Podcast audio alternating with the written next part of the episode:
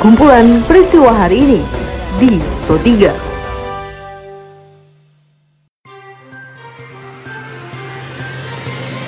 Halo pendengar, selamat berjumpa kembali di podcast Pro 3 RRI. Seperti biasa, pada podcast kali ini saya akan mengulas isu-isu aktual yang masih hangat atau ramai diperbincangkan di sekitar kita. Tentu saja pendengar nanti akan ada cuplikan informasi dari reporter kami. Bersama saya Karisma Rizky, inilah kumpulan peristiwa Pro 3 di ruang dengar podcast Anda.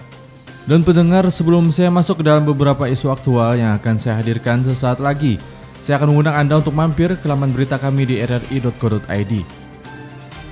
Anda juga bisa memfollow dan berkomentar di sosial media kami di Instagram, Twitter, dan Facebook dengan mengetik at RRI Programa 3 di kolom pencarian Anda. Informasi pertama pendengar, minat siswa untuk sekolah di kejuruan atau sekolah vokasi masih rendah. Padahal pekerja dari lulusan sekolah vokasi lebih siap untuk bekerja.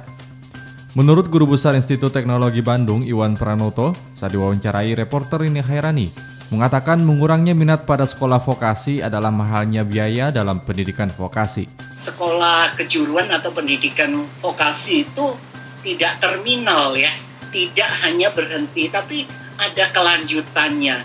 Itu jadi e, menurut saya itu hal yang penting sekali untuk di diungkapkan apa namanya di disampaikan ke masyarakat. E, kecakapan yang sifatnya profe apa namanya personal development untuk pengembangan diri itu juga bagian penting dari e, sekolah vokasi pendidikan vokasi ya. Nah hal kedua yang saya soroti sebetulnya mahalnya pendidikan vokasi.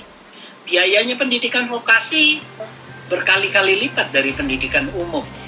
Anggota Komisi B DPRD DKI Jakarta, Nur Abni Sajim, ketika diwawancarai reporter Rizky Basuki menyatakan dukungannya terkait rencana bioskop yang akan dibuka pada 29 Juli 2020. Hanya saja pengelola diminta untuk mengawasi penerapan protokol kesehatan. Iya kan tetap harus ada protokol kesehatannya. Kan kita juga nggak mungkin menutup sektor ekonomi, ya kan? Sektor ekonomi kan tetap harus dibuka. Tetapi ya itu protokol kesehatannya tetap harus dijaga. Ekonomi tetap jalan, kesehatan tetap harus ditangani sekarang. Kalau ekonominya dimatikan, gimana kita mengatasi kesehatannya? Hari Koperasi Nasional diperingati setiap tanggal 12 Juli 2020 pada kemarin. Tepat 73 tahun hari jadi Koperasi Indonesia. Menteri Koperasi dan UKM, Teten Mas Duki, mengatakan salah satu yang menjadi tantangan bagi koperasi di tanah air adalah koperasi belum menjadi pilihan utama masyarakat.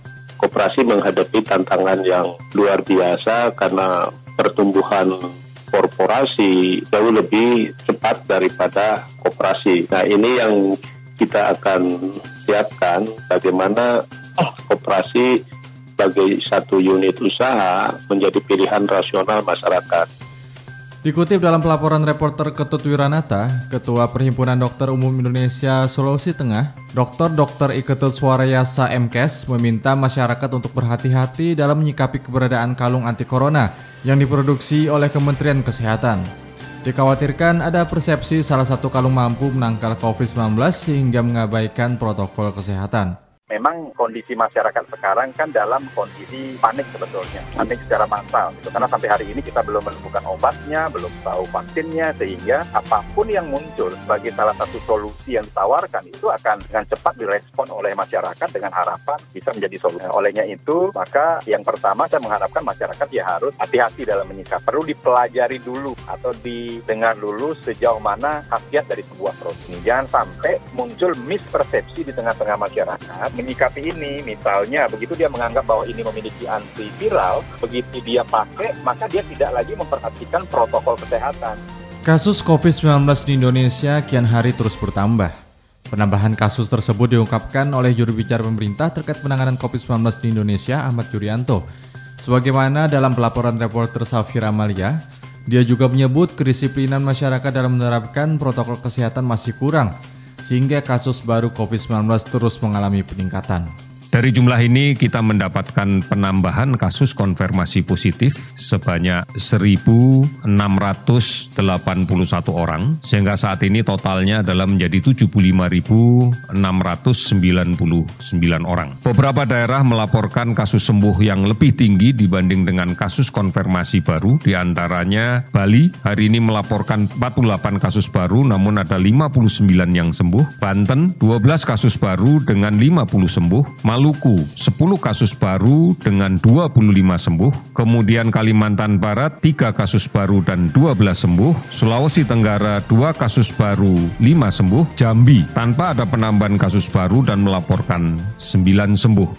Dan pendengar informasi tadi mengakhiri perjumpaan kita pada podcast edisi hari ini. Dengarkan terus podcast edisi hari ini dan hari lainnya di Spotify dengan hanya mengetik Pro 3 RRI di kolom pencarian Anda. Dan pendengar tetaplah menjaga jarak, ikuti protokol kesehatan dengan baik dan teruslah mengikuti berita terupdate di Pro 3 RRI. Saya Karisma Rizky undur diri, sampai jumpa. Jalanan ibu kota DKI Jakarta masih Kumpulan peristiwa hari ini di Pro 3